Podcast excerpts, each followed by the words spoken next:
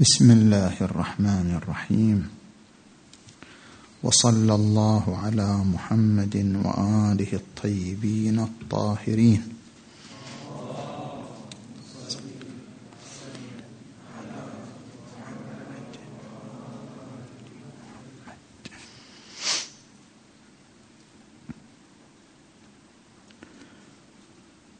إن إثبات النظرية الصدرائية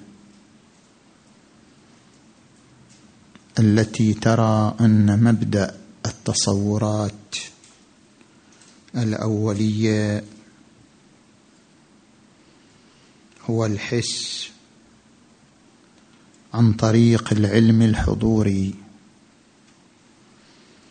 لا الحصولي متوقف على إثبات تجرد النفس.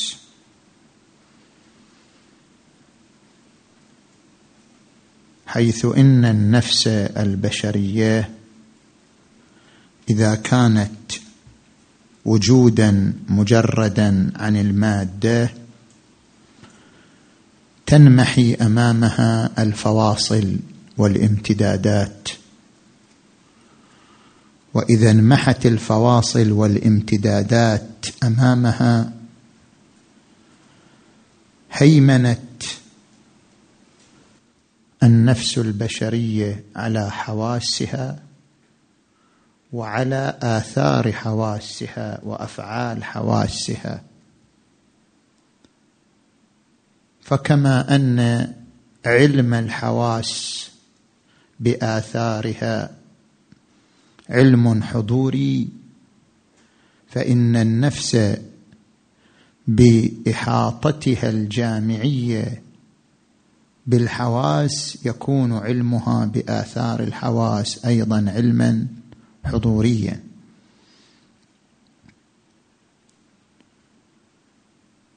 لذلك فصحة هذه النظرية تتوقف على إثبات تجرد النفس.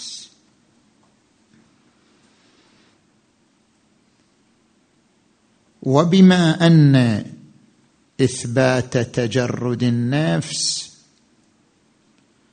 يتوقف على إثبات تجرد الإدراك بمعنى أن المدركات والصور التي ترتسم في ذهن الإنسان هي وجودات مجردة. وبما أن الصور وجودات مجردة وهي فعل من أفعال النفس فلا بد أن تكون النفس وجودا مجردا. لذلك يرتكز بحث هذه الليلة على إثبات تجرد النفس من خلال إثبات تجرد المدركات. والصور التي ترتسم في نفس الإنسان.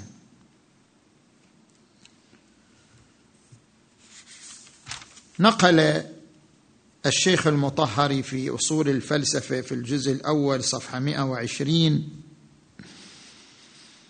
عن فيليسين شاليه في قسم من كتابه وهو المسمى بما وراء الطبيعة عن أحد علماء وظائف الأعضاء المادية قال إنني لن أؤمن بوجود الروح إلا إذا اكتشفتها تحت مشرطة التشريح.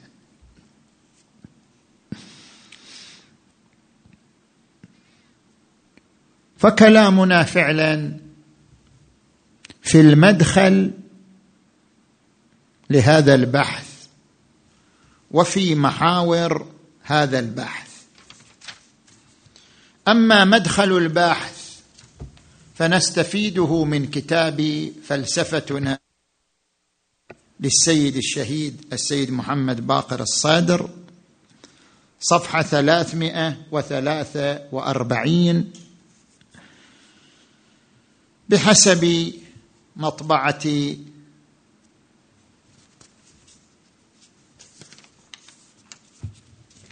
الطبعة الخامسة دار الفكر بيروت.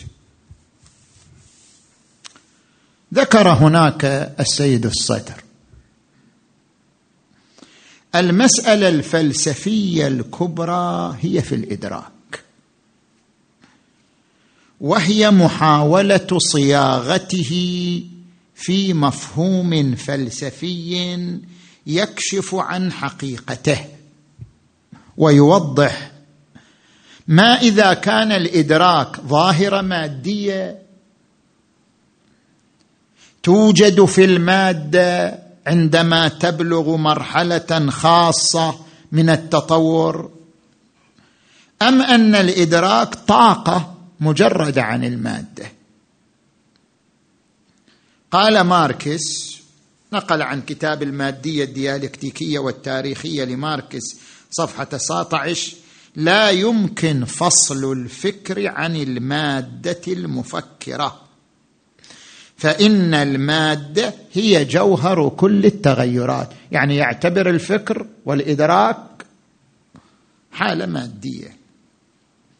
ونقل عن انجلز إن شعورنا وفكرنا مهما ظهر لنا متعالين ليس سوى نتاج عضو مادي جسدي هو الدماغ. زين. السيد الصدر يقول إن هناك عدة مدارس علمية عالجت كل واحدة منها الإدراك بمنظارها الخاص.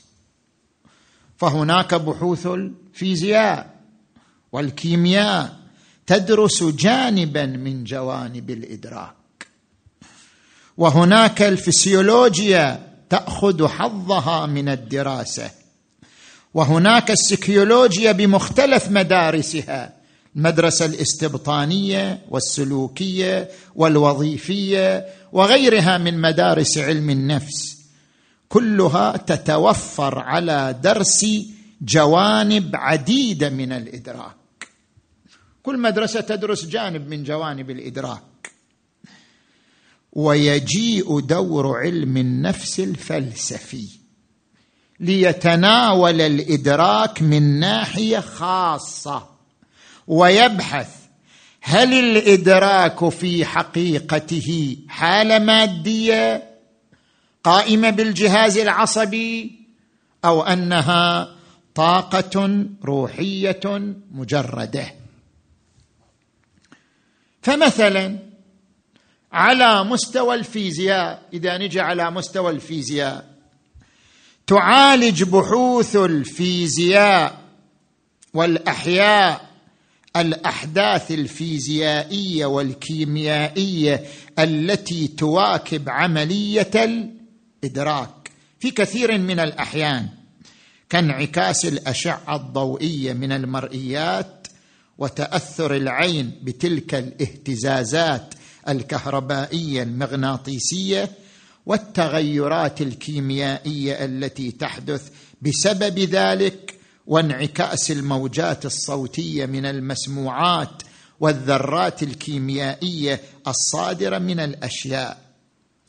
هذا كله مدروس ومعلوم ومقرر لكن هذا شيء والبحث عن حقيقة الإدراك وكنه الإدراك هل أنه مادي أم مجرد هذا شيء آخر. فما زال البحث قائما إلى الآن بين الفيزياء وعلماء الأحياء مثل ريتشارد دوكنز. طبعا هذا مو كلام السيد الصدر هذا أنا أنقله إضافة لكلام السيد الصدر. ما زال البحث قائما بين الفيزياء وعلماء الأحياء مثل دي ريتشارد دوكنز في كيف تتحرك جسيمات الذرات في الدماغ. فالفيزياء ترى أن الوعي خارج التفاعلات الكيميائية ومربوط بالحركة الذرية التي لا يستطيع أن يسيطر عليها الإنسان بخلاف ما يقرره علماء الأحياء. وقد استطاعت الفسيولوجيا بكشوفها أن تحدد الوظائف الحيوية للجهاز العصبي. فالمخ مثلا ينقسم إلى أربعة فصوص الفص الجبهي والجداري والصدغي والمؤخري ولكل فص وظائفه. فالمراكز الحركية في الفص الجبهي والمراكز الحسية التي تتلقى التي تتلقى الرسائل من الجسم في الفص الجداري وحواس اللمس والضغط. ده وين إحنا نتكلم؟ في المدخل وهذا جاوزنا ال... آه. بلي وكذلك حواس اللمس والضغط. أما مراكز الذوق والشم والسمع فتقوم في الفص الصدغي في حين تقوم المراكز البصرية في الفص المؤخر إلى غير ذلك من التفاصيل. ولكن من الواضح جدا أن الفيزياء والأحياء والفسيولوجيا لا تستطيع بوسائلها العلمية وأساليبها التجريبية إلا أن تكشف لنا خصائص الجهاز العصبي فقط. هذا الجهاز العصبي الموجود في الدماغ هذه العلوم تتحدث عنه ومحتواه من عمليات وتغيرات. أما تفسير حقيقة الإدراك وكنهه فلسفيا فليس من شأن تلك العلوم. في أن العمليات الفيزيائية والكيميائية ذات صلة بالإدراك وبالحياة السيكيولوجية للإنسان فهي تلعب دورا فعالا في هذا المضمار إلا أن هذا لا يعني صحة الزعم المادي كما نقلنا عن ماركس وأنجليز القائل بمادية الإدراك. فإن هناك فرقا واضحا بين كون الإدراك شيئا تسبقه عمليات مادية وبين كون الإدراك ظاهرة مادية. ونتاجا للمادة. هذا هو المدخل. نأتي إلى المحاور. المحور الأول في التوافق بين النظرية المادية والصدرائية حول حقيقة الإبصار يعني الإدراك عن طريق البصر. هنا يوجد توافق بين النظرية المادية والنظرية الصدرائية في حقيقة الإبصار الإدراك الإدراك عن طريق البصر. قل أقرأ لك هذه النقطة.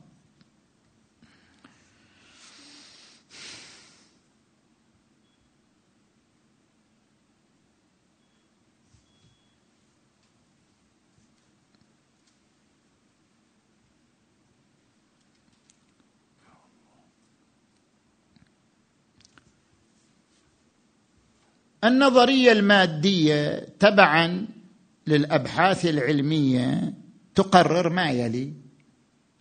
تبصر العين الضوء.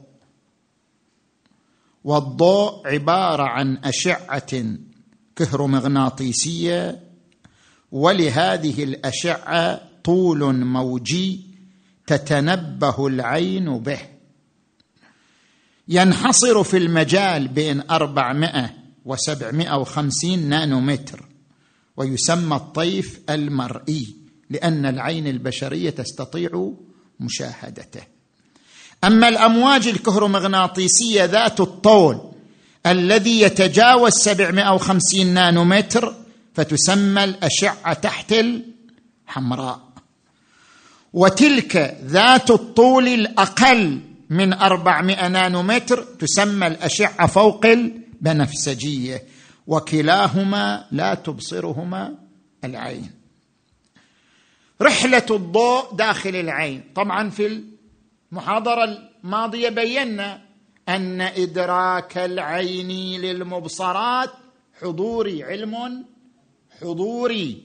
العين تدرك الضوء الذي ينعكس على أي جسم مرئي أمام الإنسان وهذه الأبعاد للجسم التي يكشفها الضوء ويحكيها الضوء هذه الأبعاد المسماه بالجسم التعليمي هذه الأبعاد التي يكشفها الضوء تتلقاها عدسة العين تلقيا حضوريا لا حصوليا. رحلة الضوء يعبر الضوء بادئ ذي بدء القرنية فيحدث له ما يسمى انكسار الضوء وهو تغير مسار الضوء نتيجة انتقاله بين وسطين مختلفين وهما الهواء والقرنية. بعد ذلك يمر الضوء عبر الحدقة التي يتغير قطرها وفقا لشدة الضوء ومن ثم الخلط عبر الخلط المائي ومنه إلى عدسة العين وبعدها إلى الخلط الزجاجي ويحدث انكسار للضوء في كل وسط يمر به.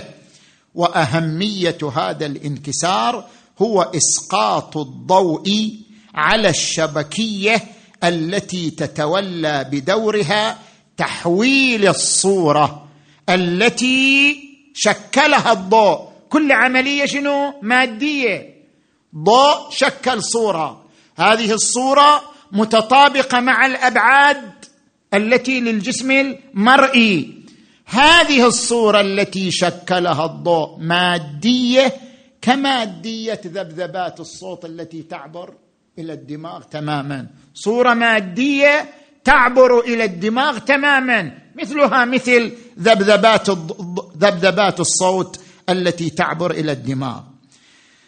الصورة التي تراها العين على الشبكية التي تتولى بدورها تحويل هذه الصورة إلى إشارات. عصبية يفهمها الدماغ. وبذلك نبصر الأشياء. كل الأوساط التي يمر الضوء من خلالها في طريقه إلى الشبكية تؤدي إلى انكساره. لكن الأمر ليس بهذه البساطة فكما أن المصور يعدل عدسة الكاميرا كي يحصل على الصورة الأوضح فإن العين أيضا لها عدستها الخاصة كما ذكرنا إذ أن قطر هذه العدسة ليس ثابتا بل يمكن تغييره بآلية انعكاسية عن طريق مجموعة من الأربطة التي تثبت هذه العدسة في مكانها وتتغير قوة شد الأربطة عن طريق عضلات ملساء. وبناء على ذلك بإمكان العين الحصول على الرؤية الفضلى وبتعبير تقني إلى حد ما بإمكانها إسقاط الضوء القادم على الشبكية بطريقة مثالية. هذا ما تقرره النظرية المادية أن الصورة المبصرة هي هذه وليست شيئا آخر.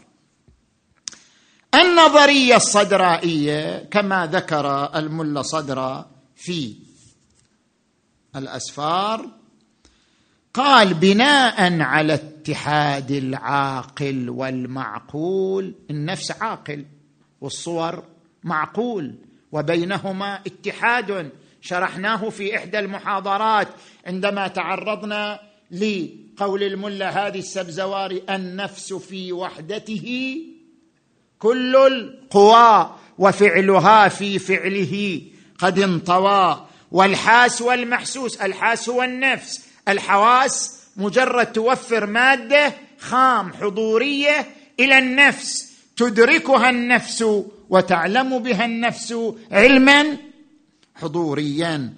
قال صدر المتألهين كل ذلك هو لون من النشاط الإبداعي للنفس. يعني كل هالمقدمات التي تحصل تهيئ النفس وتعد النفس لأن تقوم بنشاط شنو؟ إبداعي وهي رسم الصور وتركيبها وتجزئتها والمقارنة بينها. زين. هذا المحور الأول. نجي إلى المحور الثاني. المحور الثاني أدلة تجرد الإدراك. قلنا أن الإدراك مجرد ولأن الإدراك مجرد لابد تكون النفس مجردة. فما هي أدلة تجرد الإدراك؟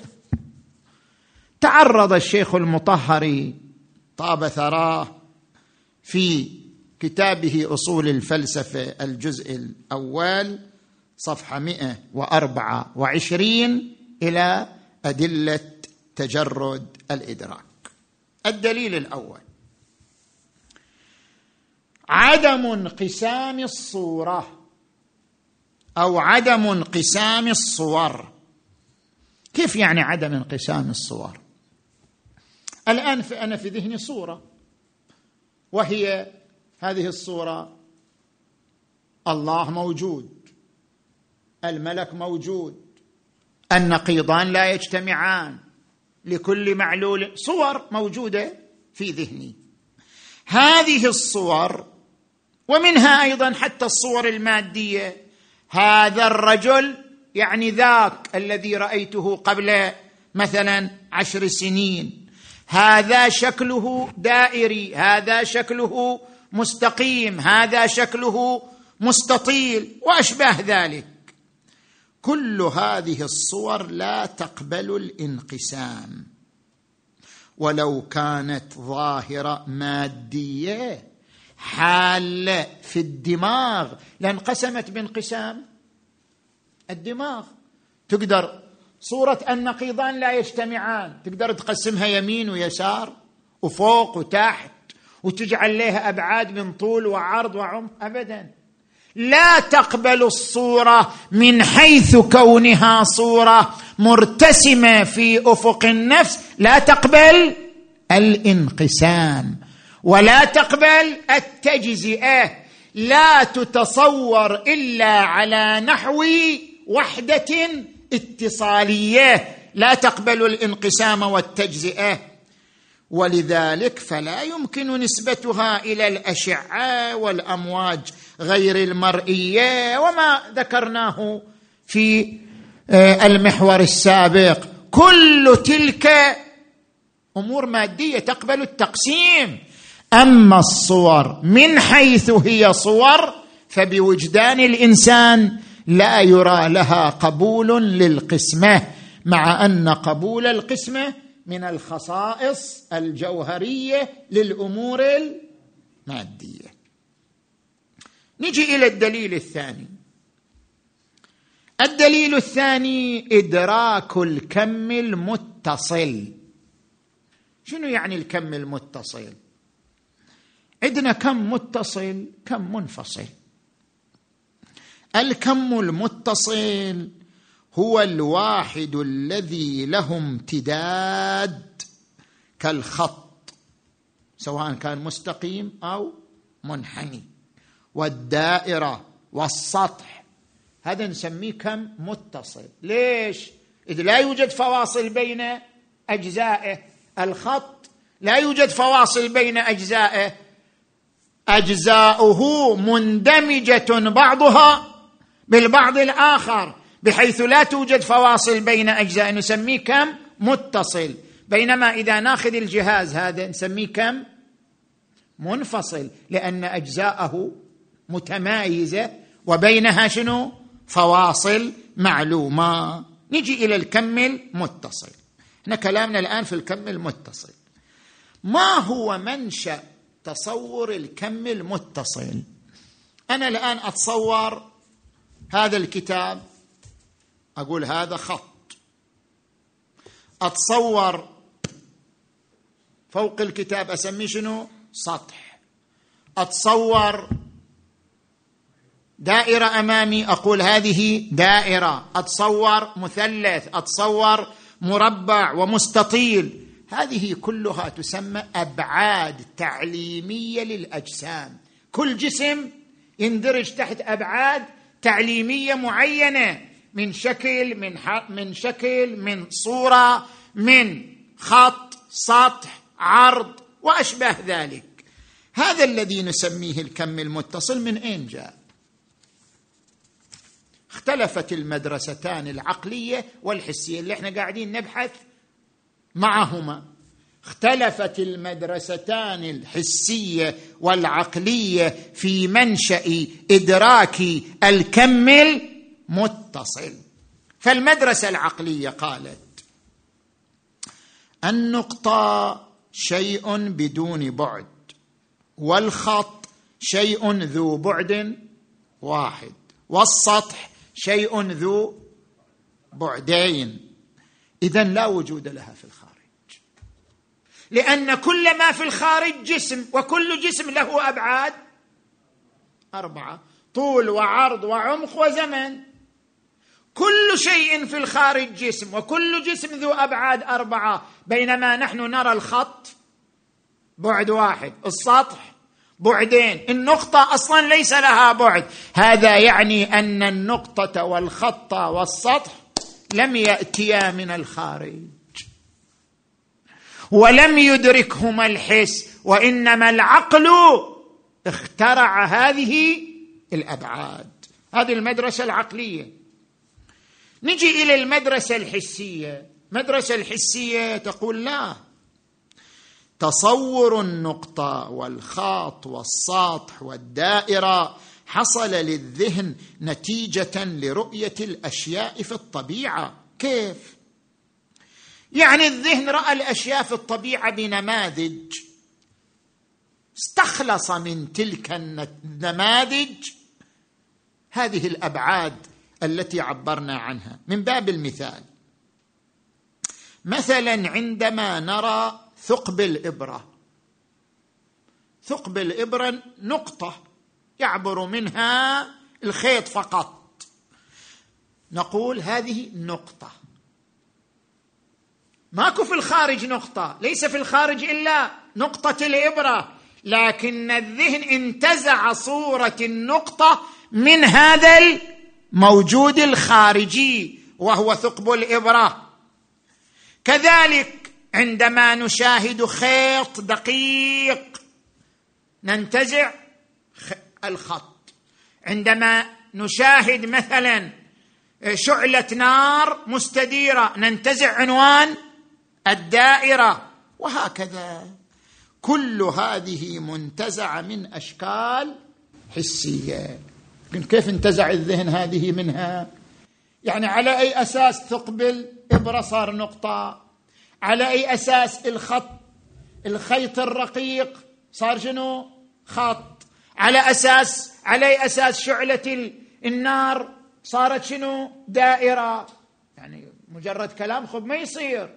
والله نحن وجدنا هذه الأشياء في الخارج وانتزعنا منها النقطة والخط والسطح والدائرة والمثلث. على أي أساس؟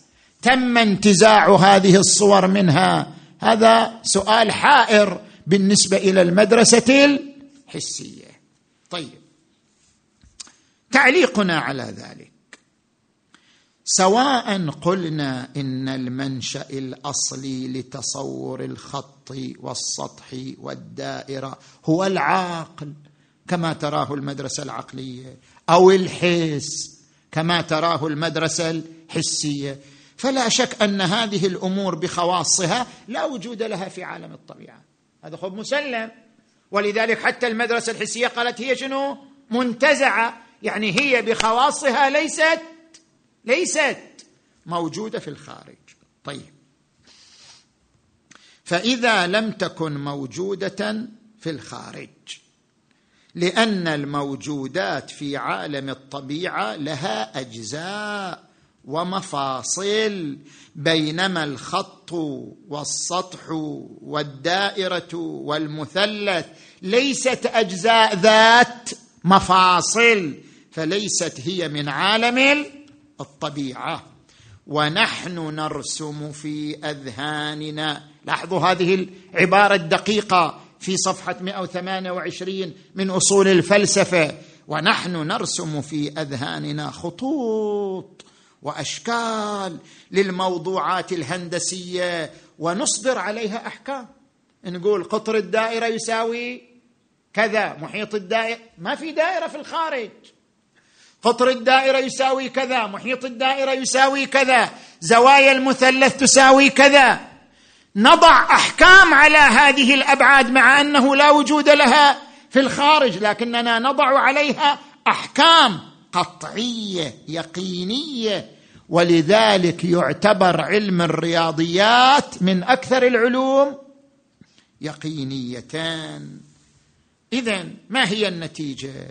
النتيجة أن إدراكاتنا للكم المتصل لا تتطابق مع الخواص المعينة للمادة. اذا هذه الإدراكات غير غير مادية. ما دمتم قررتم أن هذا الكم المتصل بأبعاده مما لا وجود له في الخارج؟ اذا بالنتيجة هذه المدركات أي أبعاد الكم المتصل ليست شنو؟ ليست إدراكات مادية. إدراكات غير مادية. زين. طبعا بنجحنا عندنا يعني ملاحظة على على هذا الاستدلال. نجي إلى الدليل الثالث. الدليل الثالث بقاء الصور. شنو كتبت عنه أنا؟ ثبات الصور والمعلومات. خل أشرح لك هذا الدليل ثبات الصور والمعلومات. لا شك أن الإنسان إذا التقى بصديقه مثلا يوما في مكان معين وكان اللقاء جميلا وديا فإن خاطرة تترسب في ذهنه من هذا اللقاء. والحديث ويبقى يستحضر الصور والكلمات التي في ذهنه. مثل المرأة اللي ما تنسى ليلة شنو؟ زواجها. رجال ما يهمه ترى هيك يعني؟ بس المرأة لا تنسى ليلة زواجها أبدا.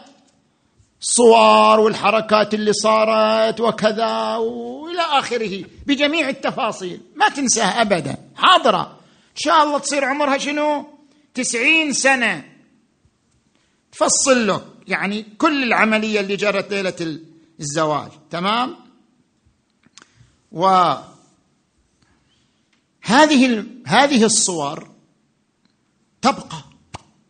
مع أن هذه المرأة أصبح عمرها تسعين سنة وما زالت تستذكر ليلة الزواج من خرجت من بيت أبيها إلى أن مرت تلك الليلة. بسلام تتذكرها بالتفصيل بالتفاصيل. هذه الصور هل هي متوهمة؟ قطعا لا. هل هي من اختراع الذهن؟ قطعا لا لأن الذهن أدركها ولم يخترعها زين هل هي إحساسات جديدة؟ لا. الاحساسات كانت ليلة الزواج وانتهى دور الإحساس. وتحولت الأحاسيس إلى صور وبقيت الصور في الحافظة إلى أن بلغ العمر التسعين. اذا هذه الصور ثبتت ولم تتغير مع أن هذه المرأة تغيرت وشابت وتغير كل أجهزتها وإدراكاتها إلا هذه الصور بقيت ثابتة ولم تتغير. زين شنو النتيجة من هذا الكلام؟ يقول النتيجة من هذا الكلام لا أطيل عليكم. وجه الاستدلال بذلك من زاويتين. الزاوية الأولى إن من خواص الحافظة التقييم.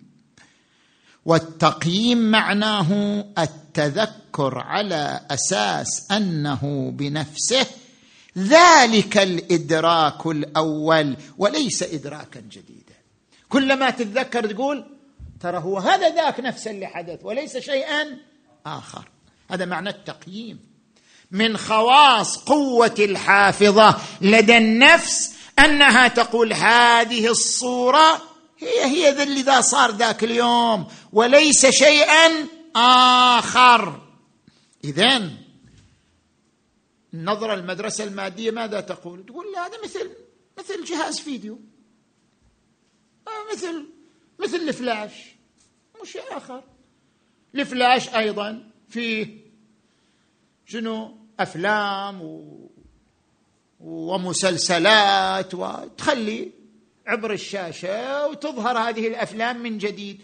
ليست الصور شيئا أكثر من ذلك كما أن هذه الأفلام المودعة في هذا الفلاش مادية وليست مجرده عن المادة. كذلك هذه الصور المرتسمة في ذهن الإنسان إلى أن يبلغ الثمانين أو التسعين هي أيضا شنو؟ أمور مادية والمادية قد تبقى وتثبت دون أن تتغير لعل هذا الفلاش يبقى إلى خمسين سنة. ولا تتغير الملفات الموجودة في شنو؟ في داخله. فكيف نستدل على أنها شنو؟ إدراكات شنو؟ مجردة. يقول الفرق بين هذه الأجهزة وبين ما تدركه النفس أننا لا نستطيع أن نقبل كون الحافظه مادية لأننا ندرك أن قوة الحافظه تتصف بالعينية أي أن ما نتذكره عين ما أدركناه سابقا. يقول هذه الصور الملفات الموجودة في هذا الفلاش أنت كل ما كل ما شغلته. هذا ليس عين السابق. هذا عمل جديد يقوم به الجهاز. نعم هو مماثل للسابق. أما هذا عمل جديد يقوم به الجهاز وليس هو السابق. بينما ما ندركه من الصور نجزم وحضرة العباس.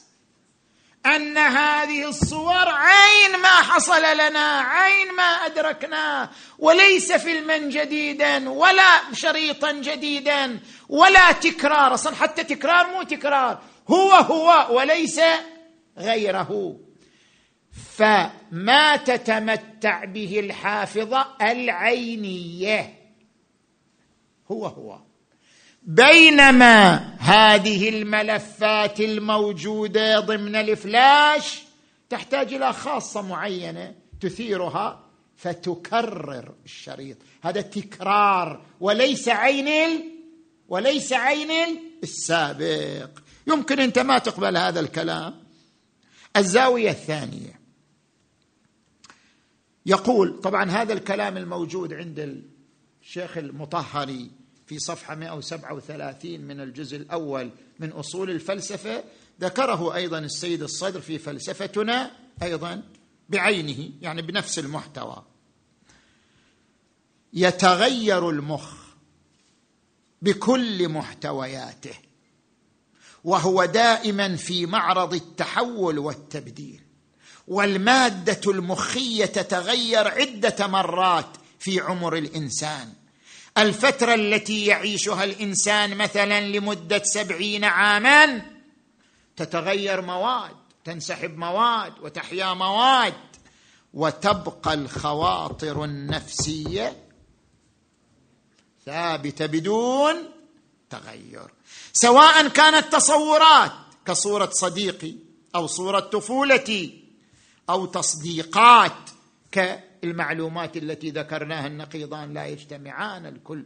أعظم من الجزء كلها نراها شنو؟ ثابتة لا تتغير. مع أن الدماغ يتغير لو كانت هذه الصور مادية حالة في الدماغ لتغيرت بتغير خلايا الدماغ ونحن نراها لا تتغير. هل هذا الكلام صحيح؟ يعني هل هذا الكلام دقيق الذي يذكره العلمان؟ الشيخ المطهري طاب ثراه والسيد الصدر قدس سره. هل هذا الكلام دقيق أم لا؟ أقرأ عليك الآن بعض العبارات.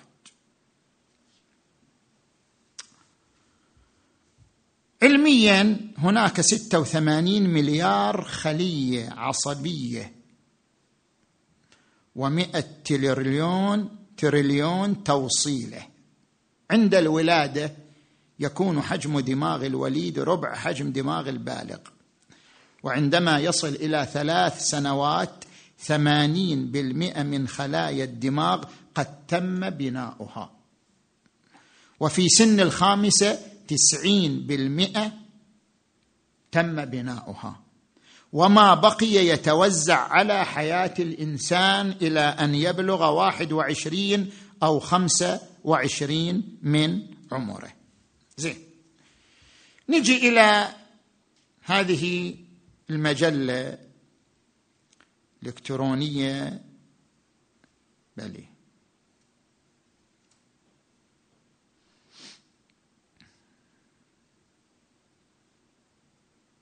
مجلة ساينتفك امريكان النسخه العربية.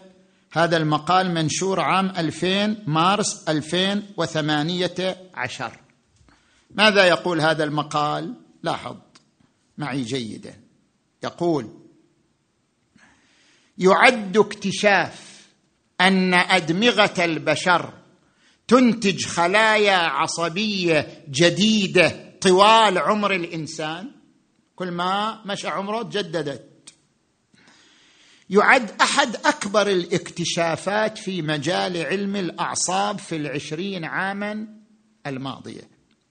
وقد حظيت الفكرة باهتمام شعبي وعلمي خصوصا لأنها تعطي بريقا من الأمل في إمكانية استخدام تلك القدرة التجديدية للدماغ في تعزيز الإدراك أو معالجة الإصابات أو الأمراض. وفي الحيوانات أيضا ربط العلماء بين الإنتاج المتواصل للخلايا العصبية وتحسن عمليات التعلم والذاكرة وربما حتى ضبط الحالة المزاجية.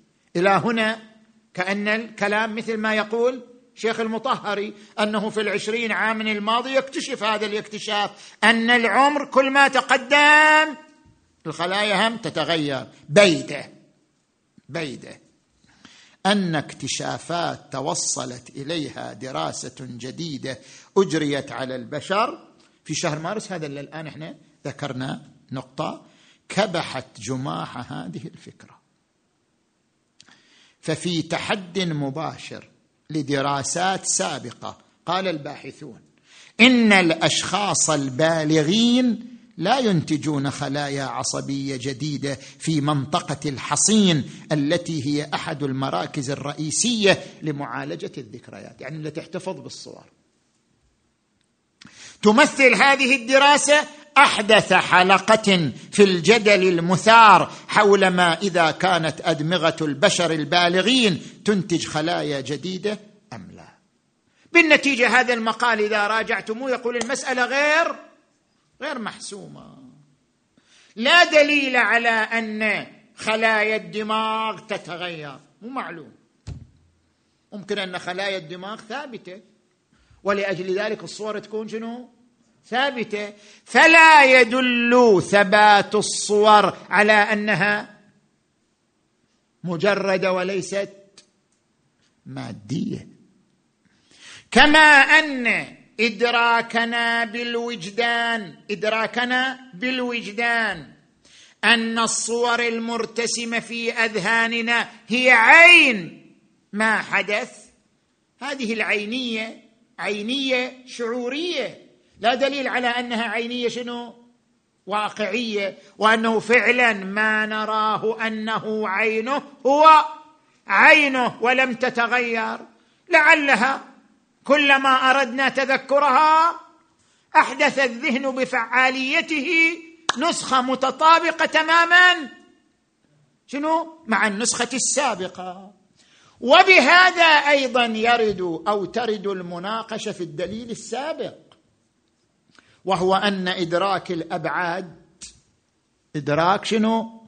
غير مادي. ليش؟ قال الأبعاد غير مادية. الأبعاد غير موجودة في الخارج لأن إدراكها غير مادي فرق بين العبارتين. لاحظوا؟ غاية ما ثبت نتيجة البحث بين المدرسة العقلية والمدرسة الحسية أن الأبعاد التعليمية للأجسام ليست خارجية فقط أما أن إدراكها مادي أم غير مادي هذه مسألة أخرى ما في تلازم. هي ليست من الخارج. الذهن اخترعها. هو أول ثبت أن الذهن غير مادي حتى تصير مخترعاته غير مادية. فمجرد أن هذه الأبعاد لم تأتنا من الخارج لا يعني أن هذه الصور التي تضمنت هذه الأبعاد صور شنو؟ غير مادي لعلها صور مادية. لأن الذهن من خلاقياته أن يرسم صورا وأن ينتزع صورا ولعلها صور مادية تماما. كما قلنا في خاصية الإبصار قلنا أن البصر يدرك الأشعة البصر ما يدرك شيء آخر. صن البشر البصر لا يدرك هذه الأجسام. شوف هذا الجسم اللي أمامي البصر ما يدركه. البصر ينال من الجسم مقدار انعكاس الضوء عليه. ومقدار انعكاس الضوء عليه شيء مادي.